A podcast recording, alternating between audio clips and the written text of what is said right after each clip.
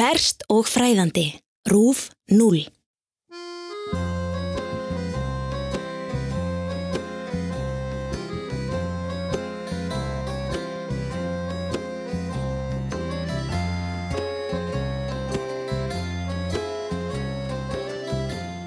Skjanna hvít lamp stendur á rauðu altari mitt á grænum agri. Það er sært, úr sári framann á því vætlar blóð niður í gildan kaleik. Í kringum altarið krjúpa 14 englar sem spenna greipar og nokkuð álengdar stendur fleira fólk. Allir snúa að lampinu og virðast tilbyðja það. Þetta eru pávar, dýrlingar og píslarvottar. Svo streymir að enn fleira fólk úr borgunum sem sjást í fjarska með turnum og spýrum sem bera við bláan himinn og himninum miðjum beint fyrir ofan særðalampið sem er auðvitað sjálft Guðslampið baðar hvít dúfa út vangunum og það geyslar að finni gullnum ljóma og mannfólkið á jörðu niðri. Áhuga fólkum myndlist kannast kannski við það sögusvið sem hér er gert tilraun til að lýsa. Þetta er tilbeðsla Lampsins, verk eftir flæmska málaran Jan van Eyck sem var uppi á 15. öld. Verkið er ein af tólf plötum sem mynda alltaristöfluna í Domkirkjunni í Gent í Belgíu, miðpunkturinn og frægasti hluti töflunar sem stundum er því öll einfallega kölluð tilbeðsla Lampsins eða Lamp Guðs. Alltaristöfluna málaði Jan van Eyck, líklega ásamt Húbert bróður sínum, á árunum 1430 til 1432 og þetta stóra og flókna verk má með sanni kalla eitt af helstu meistaraverkum evróskar málaralistar.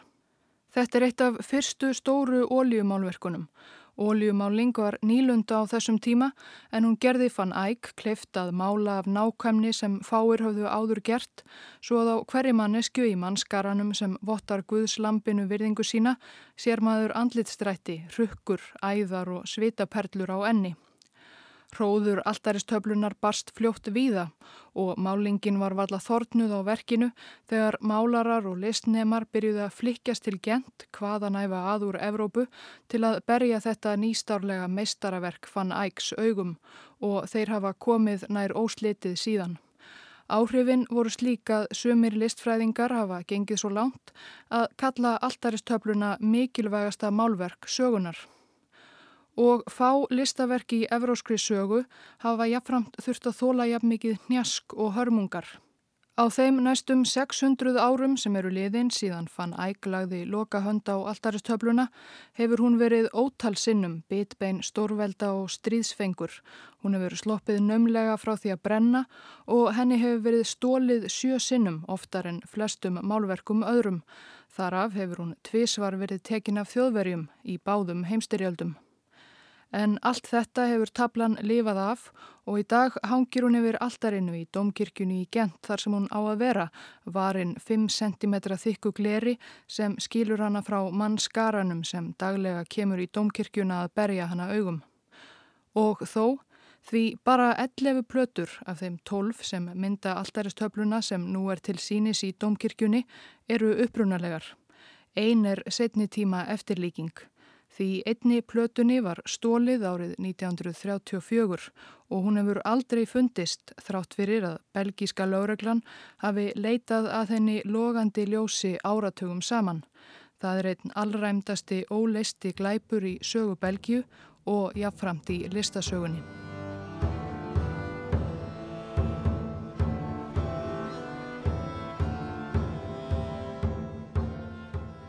Þann 11. apríl árið 1934 braud lauruglustjórun í Gent, Anton nokkur Lausterborgs, sér leiði í gegnum mannfjölda sem hafi sapnað saman fyrir utan Dómkirkju borgarinnar sem kent er við frankverska dýrlingin Bavó, verndardýrling Gent. Það var miðugudagsmorgun og það var engin messa að hefjast í kirkjunni. Mannfjöldin var þarna saman komin því það hafði kvisast út meðal borgarbúa að um nóttina hefði eitthvað komið fyrir eitt helsta djástn borgarinnar og raunar eitt helsta djástn belgísku þjóðarinnar allrar, sjálfa alltaristöfluna í Dónkirkjunni. Að næturlægi hafði einhver stólið einni eikar plötu af öðrum vagnum á alltaristöflunni, tekið hana snirtilega af hjörunum með skrúfjátni eða öðru verkfæri. Stólna platan skiptist reyndar í tvo hluta, ytri og innri, sem voru sínilegar eftir því hvort alltaristablan var opinn eða lokuð. Hún var yfirleitt bara opnuð á helgidögum. Myndin á ytri plötunni síndi Jóhannes skýrara með lamp í fanginu. Svo innri var framhald af lampsmyndinni frægu í miðjutöflunar og síndi hóp manna á hestbaki á leiðinni að votta Guðslampinu virðingu sína. Þeirra á meðal er talin vera Filipus Góði, hertogin af Burgundi sem gent tilherði þá og hugsanlega hefur málarinn sjálfur laumað sér líka með í hóp þeirra hestamannana. Þessi innri mynd gengur yfirleitt undir nafninu Réttlátu dómarannir. Leiðam á líkum að því að Anton Lausterborgs, lauruglustjóri Gentborgar, hafi ekki verið sérlega listelskur maður og jáfnvel ekki heldur sérstaklega trúaður. Hann virðist allavega ekki hafa orðið sérlega uppnuminn út af þessum þjófnaði í dómkirkjunni, ólíkt flestum öðrum sem söpnuðu saman í og við kirkjuna þennan morgunin og ætluðu vart að ná upp í nefið á sér af neykslun yfir þessum helgispjöllum. Svo var ekki um lörglustjóran. Eftir að hafa virt alltaristöfluna stuttlega fyrir sér stikaði Lásterborgs aftur í gegnum mannfjöldan út úr kirkjunni og yfir kirkjutorkið. Þar, hínum einn við torkið, hafði hann enda verið í óða önnað rannsaka annað sakamál þegar útkalliðum þjófnaðin í domkirkjunni barst. Að næturlægi hafði nefnilega einnig verið brotist inn í ostabúð eina við domkirkjutorkið og töluverðu magni af osti stólið. Það var mikilvægt að sinna hlutunum í réttri röð, hugsaði Anton Lausterborgs þegar hann snýri sér aftur að því að rannsaka þjófnaðin í ostabúðinni. Málverkið gatt beðið.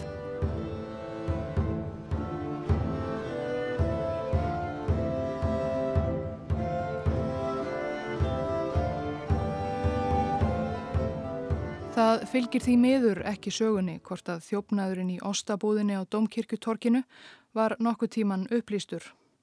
En það virðist allt jænt að var runnið fljótlega upp fyrir Lásterborg lauruglustjóra og undirmönnum hans í lauruglunni í Gent að það var reyndar nokkuð brínt að rannsaka þjófnaðin í domkirkjunni og endur heimta stolnu töflunar úr alltaristöflunni.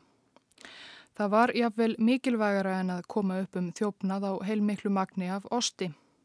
Þjófnaðurinn vakti fljótt aðtikli um allt land og utan landsteinana einnig enda um hluta af einu frægasta málverki heimsað ræða og ríkistjórn Belgíu lagði áherslu á að málið yrði upplýst sem fyrst. En lögreglan í Gent gatt samt lítið aðhafst. Vísbendingar um orðlög stolnu plötunar voru mjög fáar, í raun engar. Þjófurinn hafði komist óséður inn og út úr kirkjunni að fara nótt 11. april með fengin dýrmæta. Engin sönnunargögn fundust á vettvangi þjófnaðarins sem varpað getu ljósi á málið, engin fótspor og engin fingraför. Fjölmarkar ábendingar bárust reyndar frá almenningi sem hafði mikinn áhuga á málinu en ekkert gagn reyndist í neittni þeirra. Það var því ekki fyrir en rúmum þremur vikum eftir þjófnaðin sem nokkuð skrið komst á rannsóknina í fyrsta sinn. Það var þá sem biskupnum í Gent, Monsignor Honore Jósef Kopiters, barst velritað bref á frönsku í látlausu ljósgrænu umslægi. Monsignor, okkar eru þau forritindi að tjá yfir að við höfum í vörslu okkar málverkinn 2 eftir Fan Eyck sem var stólið úr domkirkjunni í Borgiðar. Við erum á þeirri skoðun að það sé betra að skýra yfir ekki frá því hvaða dramatísku atbyrðir urðu til þess að við komumst yfir þessar perlur. Það gerist á svo ruglingslegan hátt að einungis einn okkar hefur vitnesku um það hvar það dýrmætara af þessum tveimur verkum er gengt. Þessi staðrend er það eina sem þér ættu að hafa áhyggjur af því í henni eru fólknir hrollveikjandi möguleikar.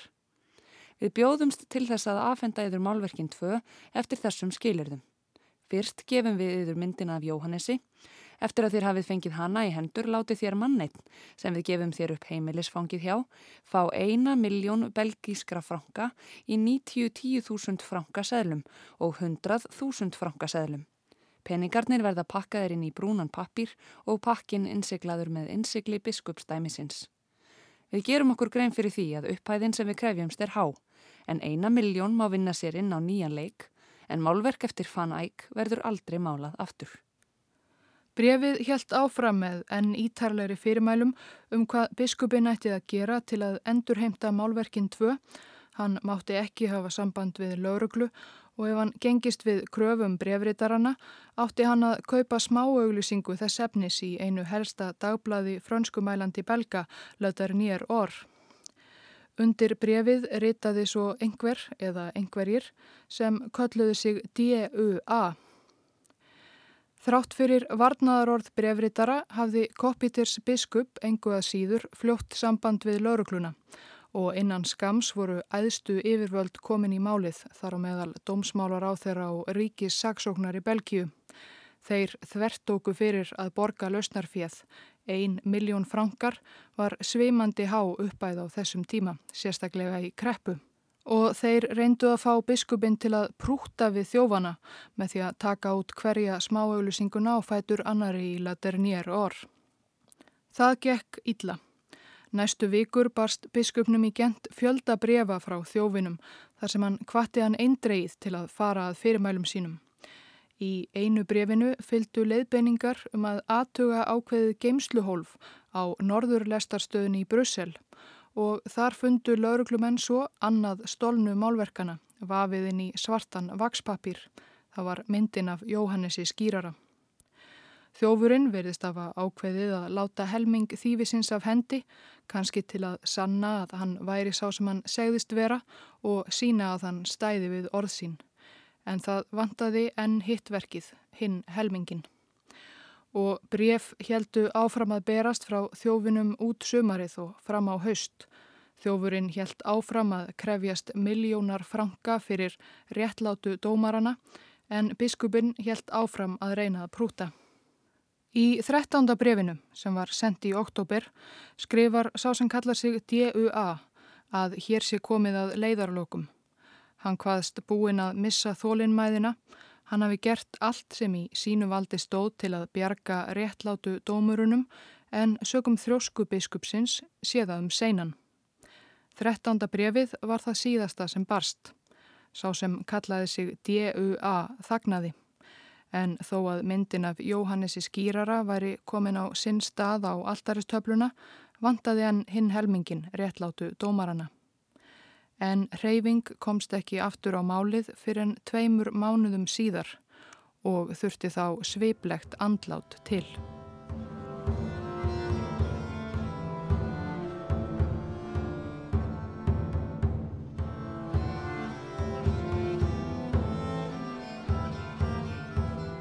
Að kvöldi 25. november 1934 var haldinn fundur í aðeldarfélagi kathólska stjórnmálaflokksins í bænum Döndermond sem er um 35 km austur af Gent. Þetta var með öllu reglubundin fundur en þó kom til nokkuð snarpra skoðanaskipta um eitthvað löngu glemt deilumál. Einum flokksmanni varð sérstaklega heitt í hamsi Svo mjög að hann, verðbrefasalinn Arsen Hodertir, 57 ára gamall, neig niður. Hann fekk hjarta áfall. Tveir félagar Hodertirs og flokksbræður, læknirinn Romain de Kock og skartgreipasalinn Ernest van de Durbel og prestur nokkur sem einnig var á fundinum, fluttu hann með snarhasti á heimili van de Durbels í nágrenninu. Lækninum de Kock tókst að koma Hodertir til meðvitundar en hann átti augljóslega ekki langt eftir. Presturinn bauðst þá til að veita Hodertier síðasta sakramentið en degjandi maðurinn neytaði og kallaði þessi stað veikum rómi eftir lögmanni sínum. Sá, Sjórs nokkur de Foss, var fljótur á staðinn og lokaði sig af með skjólstæðingi sínum. 15 mínútum síðar kom lögmaðurinn út ná fölur. Arsen Hodertier, verbreyfasali, var látin 57 árað aldri. Aðrir viðstattir, læknirinn vinur hins látna, presturinn flokksbróður hans og skartgreifasalinn, gestgjafi þessarar daburlegu samkomu, spurðu þá lögmannin af skiljanlegri forvitni hvað Hodertier hefði viljað segja honum á dánar beðinum. En lögmaðurinn De Foss ansaði þeim ekki. Hann þagði bara og fór síðan beinustu leið út og hann sagði lauruglunni heldur ekki neitt fyrir ennum mánuði síðar. Það var þá sem hann fór til lauruglunar í Gent og sagði lauruglumannum hvað það var sem skjólstæðingur hans hafði kvíslað að honum með síðustu andardráttunum. Ég einn, kvíslaði hann með herkjum því lífskreftur hans var að fjara út. Ég einn veit hvar tilbeðsla lampsins er. Og svo dó Arsen Hotertier.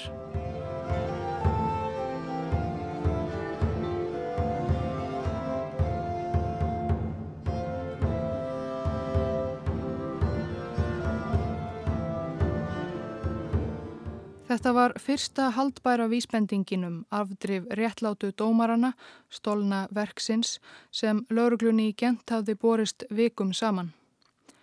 Og húsleit á heimili Hoter Tiers sáluga er endi fljótt stóðum undir frásögn lögmannsins. Í skuffu í skrifborðinu hans fundu lauruglumenn afreitt af öllum brefunum 13 sem hinn dularfulli D.U.A. hafði sendt biskupnum í gent fyrra á árinu og ekki nóg með það heldur funduður einnig drögað 14. brefinu sem ekki hafi verið sendt. Það hlaut því að vera að Arsin Hodertier væri þjófurinn sem lauruglan hafi leitað að mánuðum saman. En mörgum spurningum var þó enn ósvarað. Þeirra mikilvægust, hvar voru réttlátu dómaratnir eiginlega niður komnir? Því ekki fannst málverkið á heimili Hodertiers eða skrifstofu hans eða á nokkrum stað tengdum honum sem lauruglunni dætti í hugað leita á og þeir leituðu mjög vandlega. Og hver hafðan eiginlega verið þessi Arsen Hodertier og hvers vegna hefði hann átt að stela verkinu? Það var jafn lítið um svör við þeirri spurningu þegar laurugla grenslaðist fyrir um personu Hodertiers og fortíð. Arsen Hodertier hafði numið málaralist við konunglega listaskólan í Döndarmond áður en hann snýri sér að verðbyrjábransanum og þótti ágætur málari. Hann hafði sérstakt dálæti af því að mála kirkjur. Hann hafði hagnast vel á verðbyrjunum og vanhagaði ekki um peninga. Það var erfitt að ímynda sér hvers vegna hann hefði átt að leggja á sig svo háskalegan gjörning eins og að ræna einu dýrmætasta listaverk í Belgiu til að krefjast lausnargjalds. Hann átti fyrir meira en miljón franka á bankabókinni. Þá var hann stráng kathólskur og tók virkan þátt í starfi kathólska stjórnmálaflokksins í Belgiu sem á kirkustarfi. Hann hafði sjálfur stopnað kathólsku góðgerðasamtök og fannst í flestum sem þekktu hann hæpið að hann hefði kosið að stela frá kirkjunni. Eitt og annað týndu lauruglumenn þó til sem virtist benda til sektar hans, þó það væri mis samfærandi. Egin kona Hodertiers hvaðst ekkert vita um málið, en játaði þó við yfirheyslur að maður hennar hafi haft mikinn áhuga á þjófnaðinum á réttlætu dómurunum og oft rætt málið við hana og aðra. Þá hafi hann verið áhuga maður um leinilauruglusögur og átti stort sapn slíkra bóka. Hann var sérstaklega hrifin af sögum franska reytöfundarins Maurice Leblanc um meistaraþjófin Arsène Lupin. Hafði Arsène Hodertier ef til vil hrifist einum of af þessum nafna sínum veldu lauruglumenn fyrir sér af fullri alvöru og viljað spreita sig sjálfur á ránum og röpli. En allar þessar vangaveltur skiptu í raun litlu máli því hverki fannst málverkið sem Hodertier átti að hafa stólið. Réttlátu dómaratnir voru gufaðir upp.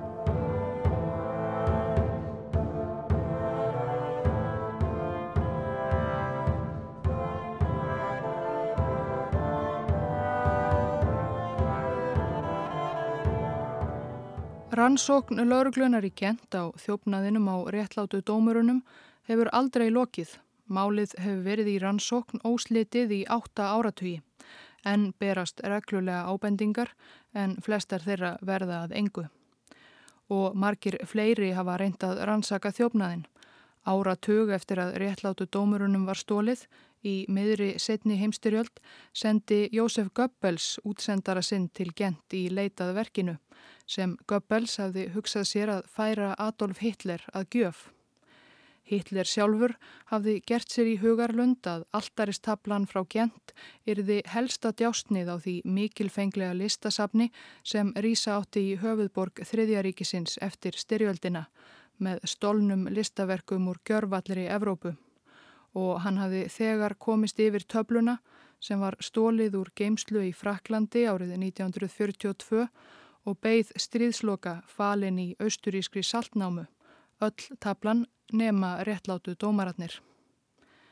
En jafnvel færasta útsendara Jósef Sköppels tókst ekki að finna verkið frekar en lauruglunni og sem betur fer rættist draumur Hitlersum listasafnið mikla aldrei og alltaristablan var flutt aftur á sinn stað í domkirkjunni í Gent í stríðslokk. Þá var jáframt gerð eftirmynd af réttlátu dómurunum svo að tablan virðist heil. Eftirmyndin var byggð á enn eldri eftirmynd sem var gerð á 16. öld fyrir Filipus annan spánarkonung og var máluð á fjölur 200 ára gömlum fataskáp.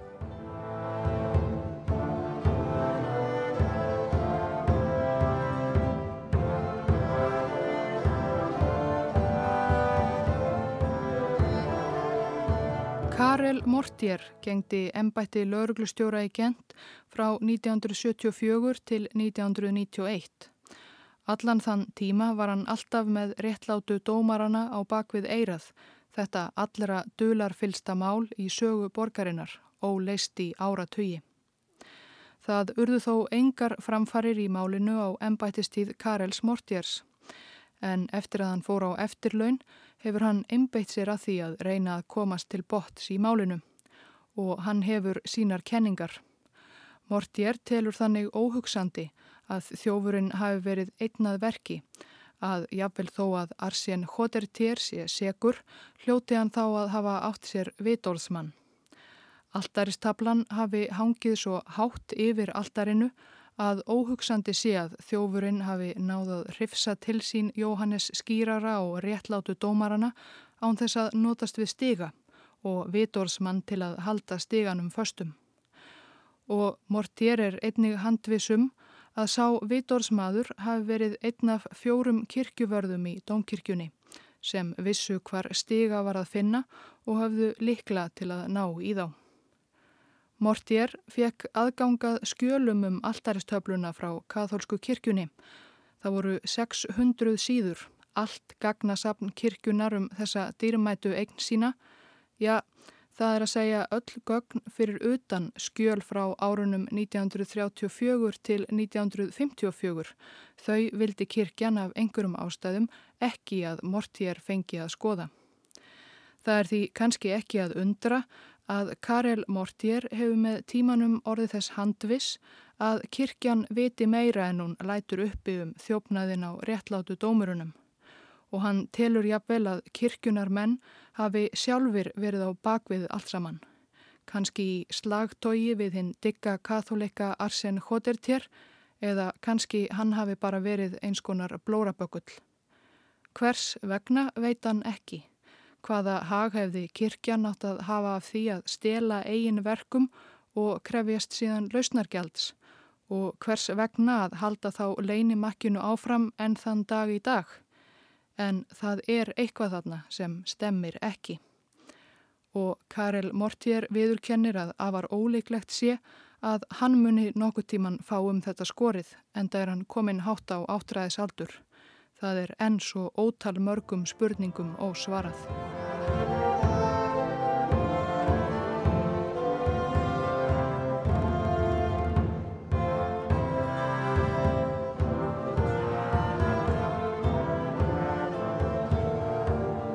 Karel Mortier áætlar að hann hafi í gegnum árin leitað að réttlátu dómurunum á um 350 mismunandi stöðum. Alltaf auðvitað án þess að finna nokkuð.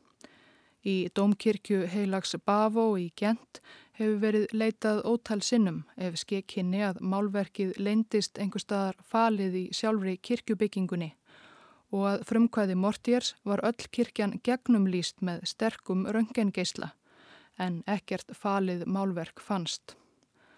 Aðrir áhuga mennum dómarana hafa gripið til enn rótækari aðgerða til að reyna að upplýsa málið. Árið 1995 gróf einhver upp bein Arsen Hotertiers úr kirkjugarðinum og stál höfuðkúpu hans.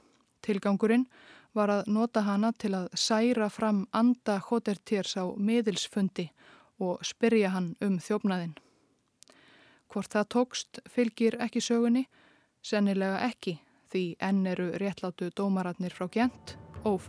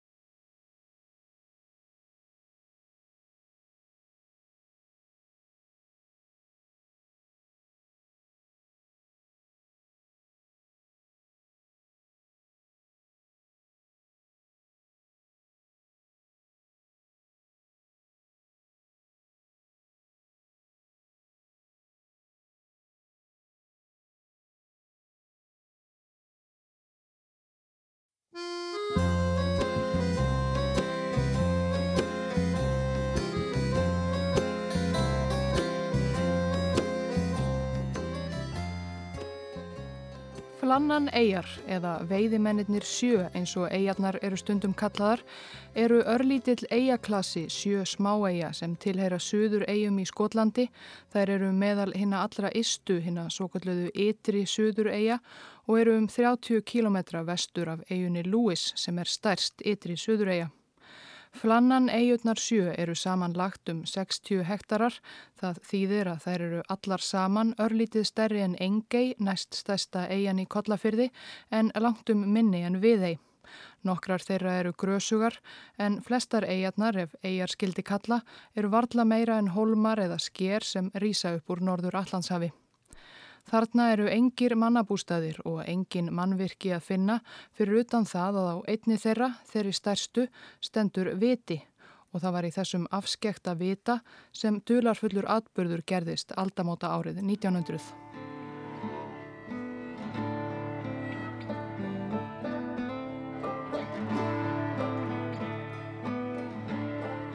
Það var að kvöldi 15. desember árið 1900 sem gerði mikið rók í nágræni Flannan eiga. Það er að segja meira rók en venjulega er á þessum slóðum því á þessum veðurbörðu skerjum og í nágræni þeirra er nær alltaf kvast. Í nætur myrkrinu barði öldurótið skipin sem sildu fram hjá eiginum.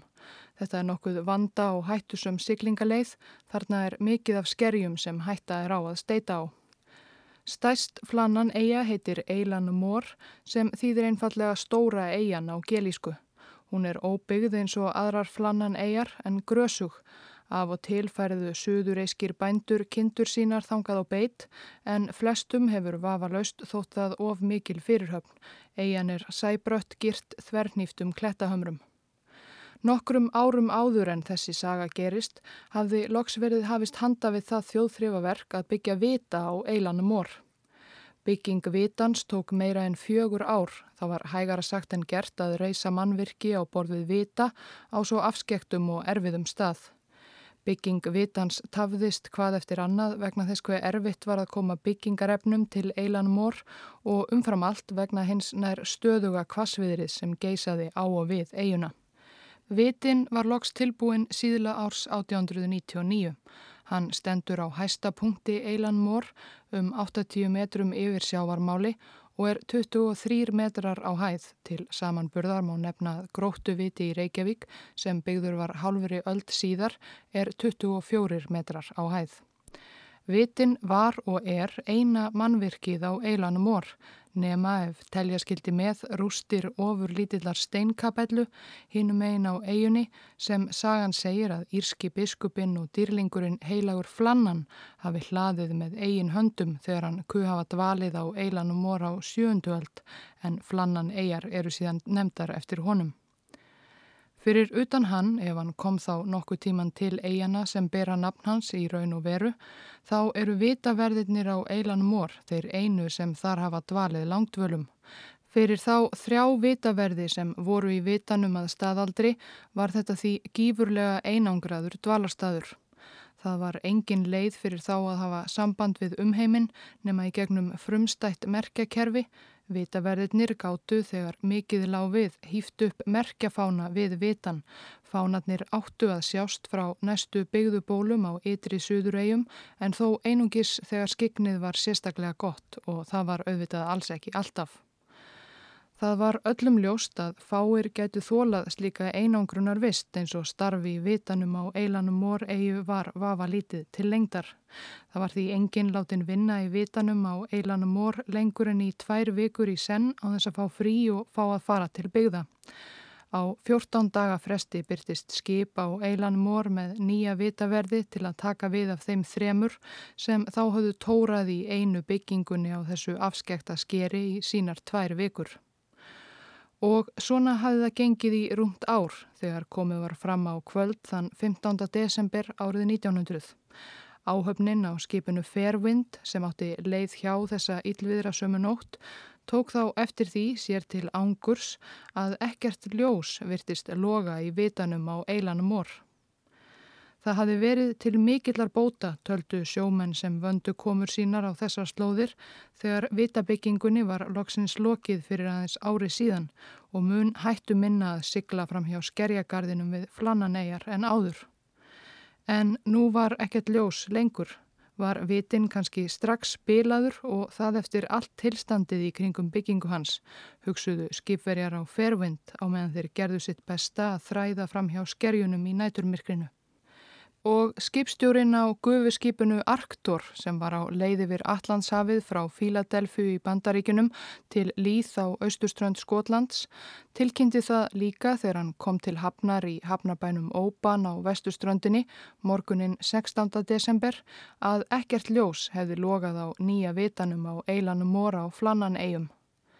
En svo tilkynning hans virðist ekki hafa komist til skila, það er til vitamálastofnunar Skotlands sem rak vitan á eilanumor eins og aðra skoska vita, eða þá að þar á bæ hafi menn af einhverjum ástæðum ákveðið að gera ekkert í þessu í byli, sjá eftir vel til, því það var jú von á skipi til eilanumor bara á næstu dögum.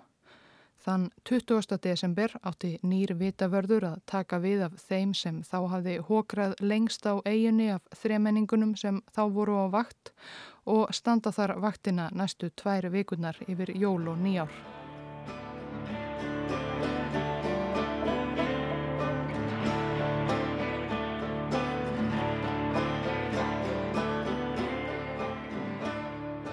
Mennirnir þrýr sem þá dvöldu í vitanum héttu James Ducat, Thomas Marshall og Donald MacArthur.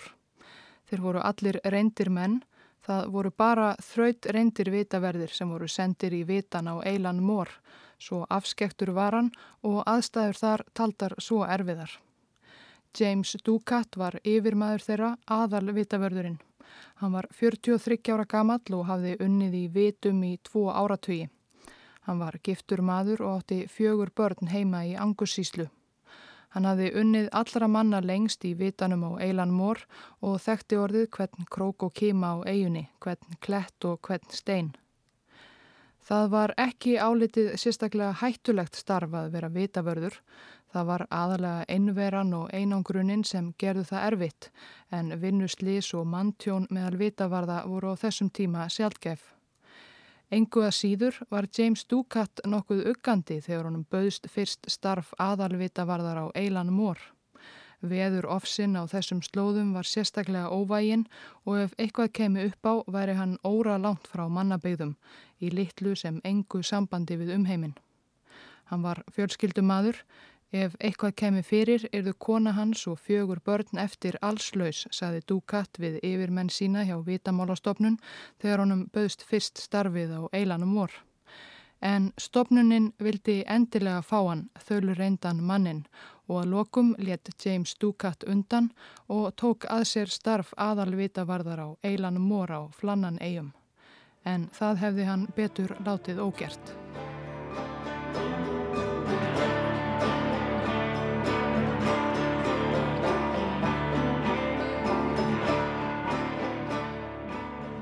Þann 20. desember var enn svo vond í sjóin að skipsturinn á skipinu Hesperus sem flyti átti afleysingamann út í vitan á Eilan Mór á samt ýmsum vistum til vitavarðana sá sér ekki fært að leggja úr höfn. Hesperus lagði ekki af stað úr höfninni í bænum Breskletti á Lúis eigu, stærstu eigu ytri söður eiga, fyrir enn 60 síðar, það var á annan í jólum. Um borð var Joseph nokkur Mór sem taka átti við af Tómasi Marshall sem hafi þá verið lengst þremenningana í vitanum á eigunni. Ferðin lagðist ítla í Joseph Mór. Það var ekki bara íllviðrið.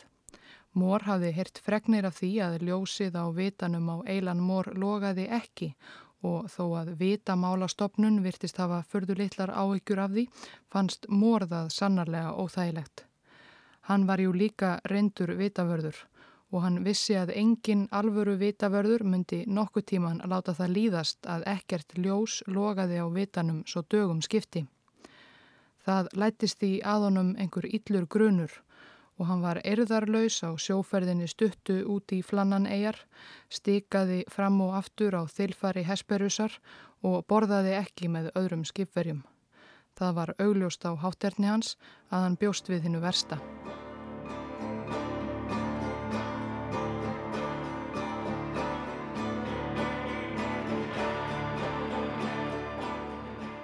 Þegar skip lagðist við akkeri við Eilan Mór stóðu vitaverðinir þrýr á eigunni yfirleitt á ströndinni, döðu feignir hvaða félagskap sem var á förstu landi. En vitaverðinir tóku ekki á móti skipverjum á Hesperus þegar skipið lagðist við Eilan Mór síðla dags annan í jólum árið 1900. Það tók alls engin á mótið þeim. Það voru engir tómir byrðakassar á ströndinni sem byðu þess að verða fylltir af vistum úr lestum skipsins og engin fáni blakti við vitan á Eilan Mór eins og vanin var þegar von var á skipi til eigarinnar. Sá ylli grunur sem hafi fyllt Joseph Mór um borði í Hesperus alla leiðina til eigarinnar varð bara verri og verri. Mór klöngraðist fyrstur skipverjana upp brattan uppgangin í áttað vitanum. Hann kallaði á kollega sína en enginn ansaði. Inni í vitanum virtist allt vera eins og það átti að vera. Það var snirtilegt um að litast í fábreytilegum vistarverum vitavarðana, búið að búa um rúmin og vaska upp leirtögið, potta og pönnur. Í öskustóni var köld aska. En vitaverðinir sjálfur voru hverki sjáanleir. Það var engin lifandi vera í vitanum. Það var eins og þeir hefðu búið snirtilega um og tekið til og haldið svo af stað en það var auðvitað ekki langt sem þeir gáttu farið á þessari ofurlittlu eigu. Þeir virtust einfallega hafa gufað upp. Við nánari aðtugun sáu skipverjar á Hesperussi að tvö pör af stígvilum og sjóklæðum vitavarðana voru horfin en eitt par var eftir. Hafðu tveir vitavarðana farið út í sjóklæðunum en sá þriðji ánþeira. Að fara út án sjóklæðana var óðsmanns æði í því veðri sem verið hafði á flannan eigum undanfarna daga og vikur. Þar að auki gekk það þvert á allar reglur vitamálastofnunar að allir þrýr vitaverðinir yfirgæfu vitan samtímis.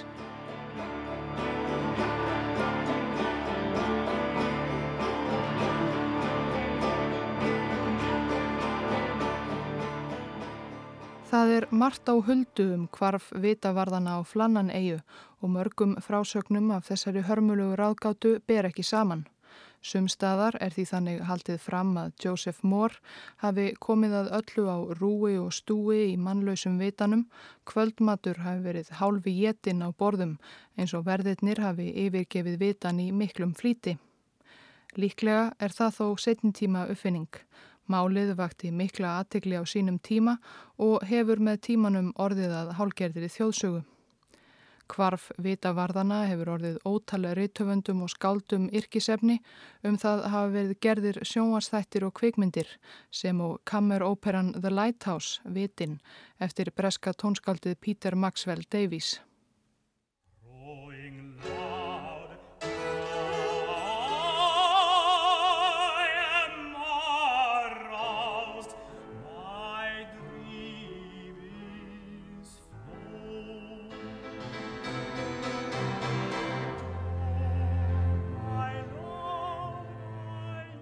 Í mörgum bókum og öðrum umfjöllunum um vitaverðina á Eilan Mór er vitnað í dagbók vitavarðana þar sem þeir rituðu á hverjum degi stuttlega um veður skilirði og verkefni dagsins.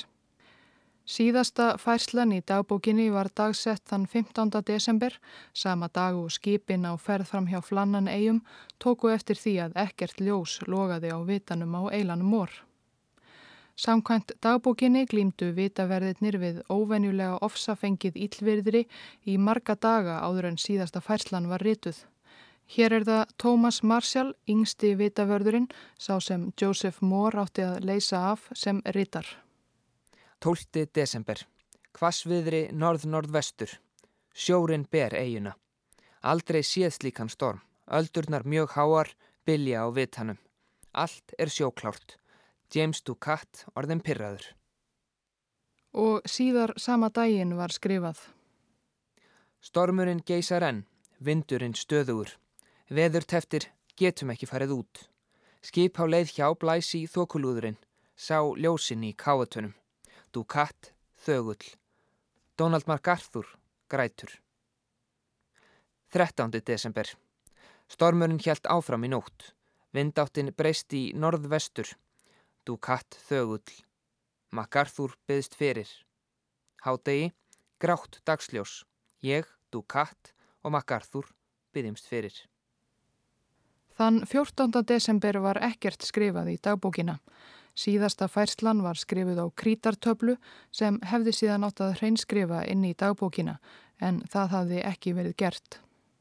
15. desember. Storminum er lokið, sjórin er sléttur. Guð vakir yfir okkur. Eins og fyrr segir var það vanalegt að rita í dagbókina um veðrið, um daglegan starfa í vitanum.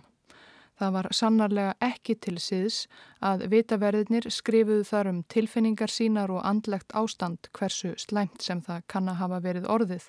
Þessar dagbókarfæslur hefðu ekki fallið í kramið hjá yfirbóðurum þeirra á vitamálastofnun sem fóru reglulega yfir öll slík skrif.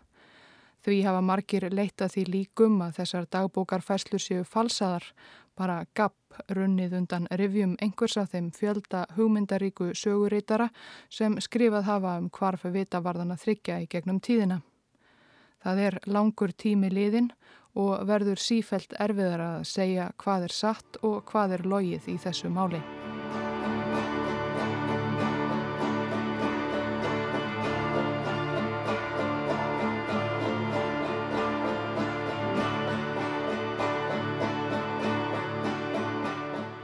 Það sem víst er, er að Joseph Moore, afleysingavitaverði og öðrum skipverjum á Hesperusi þótti það mjög óþægilegt, í raun hryllilegt að koma að vitanum á Eilan Moore gjörsamlega mannlausum. Það var deginum ljósara að eitthvað hræðilegt hliti að hafa gerst á eigunni. Skipstjórin á Hesperusi tók þá ákverðun að flýta sér aftur í land með þessi válegu tíðindi en Joseph Moore varð eftir á mannlausir í eigunni á samt tveimur sjómanum. Þeirra verkefni var að koma vitanum í lag eins fljótt og auðið væri því enn voru jú skip á ferðum úvinn sjóin við flannan eigar. Að kvöldi 27. desembers sendi skipstjórin á Hesperusi símskeiti til vitamálastofnunar. Hræðilegt slis á flannanegjum. Vitaverðirnir þrýr, Ducat, Marshall og MacArthur eru hornir.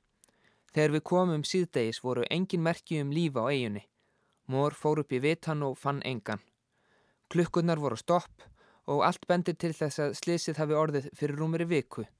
Aumingja mennirnir hljóta að hafa fókið af klettunum eða druknað. Nóttinn nálgæðist og við gáttum ekki beðið lengur til þess að komast að örlugum þeirra. Mór og tveir sjómenn örðu eftir til að kveikja á vitanum. Í gegnum tíðina hafa komið fram ótal kenningar um afdrif vitavarðana á Eilan Mór. Hafði óveðrið hrifsað á tilsýn eins og skipstjórin á Hesperusi heldur fram í símskeiti sínu. Eða hafði eitthvað ennþá hræðilegra átt sér stað á eigunni. Menn hafa velt fram þeim möguleika að kannski hafi einn vitavörðurinn snúist gegn félögum sínum. Kannski hafi runnið á hann einhvers konar æði Það þarf ekki að hljóma svo ólíklega með að við þær einangruðu og erfiðu aðstæður sem vitaverðinir byggu sannarlega við. Kanski hafi eitt þeirra sem sagt myrt hina, hendim svo í sjóin og stitt sér sjálfur aldur.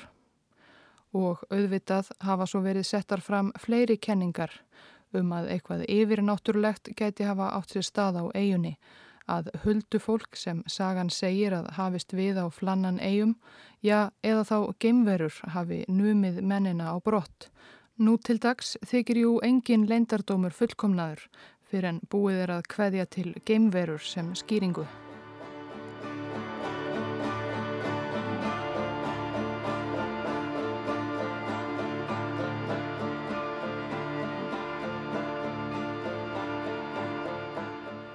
En það voru engar geimverur komnar til sögunar þegar skoska vitamálastofnuninn let rannsaka örlög þremenningana sem hurfu á Eilan Mór einhver tíman í desember árið 1900. Afleysingamadurinn Joseph Moore og sjómennir tveir dvöldu í nokkra daga og Eilan Mór við að koma ljósinu í vitanum aftur í gang.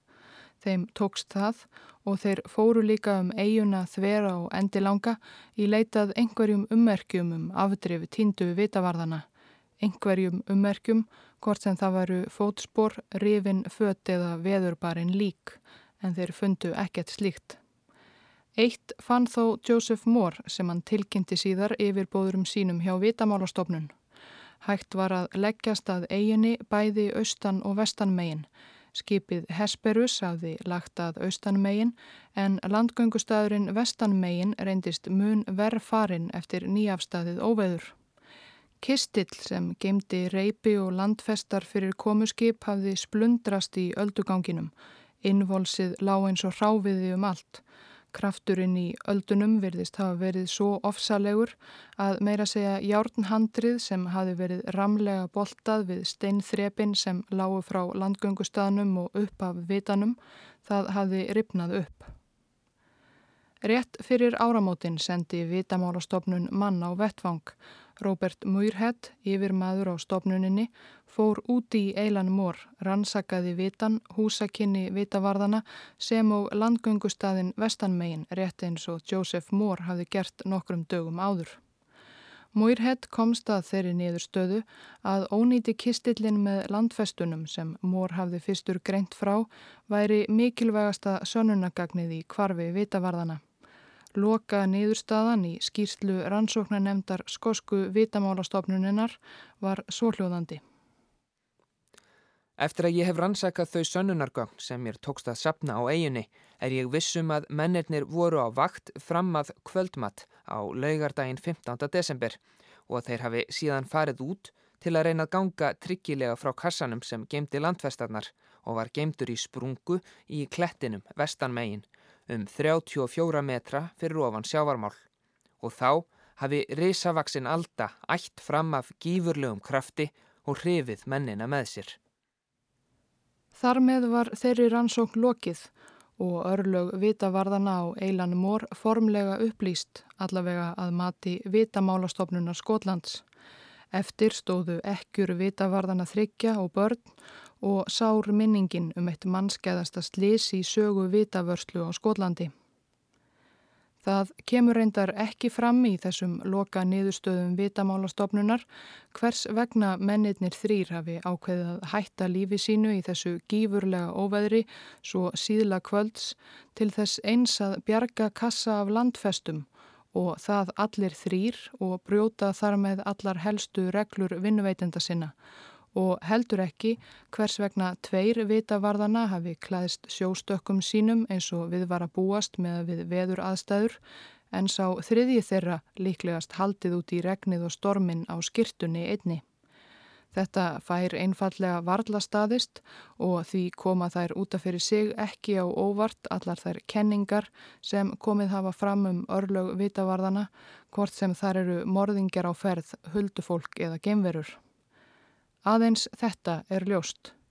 Eitthvað var til þess að þrýr vita verðir á Eilan Mór ættu út í óveðrið ægilega að kvöldi 15. desember árið 1900 og sáust aldrei meir. Það hlýtur að hafa verið eitthvað mjög mikilvægt eða merkilegt úr því þeir lögðu sig í slíka hættu en við vitum ekki hvað það var og það sem enn sorglegra er, við munum sjálfsagt aldrei fá að vita það. Eilan Mór ljóstrar ekki upp leindarmálum sínum.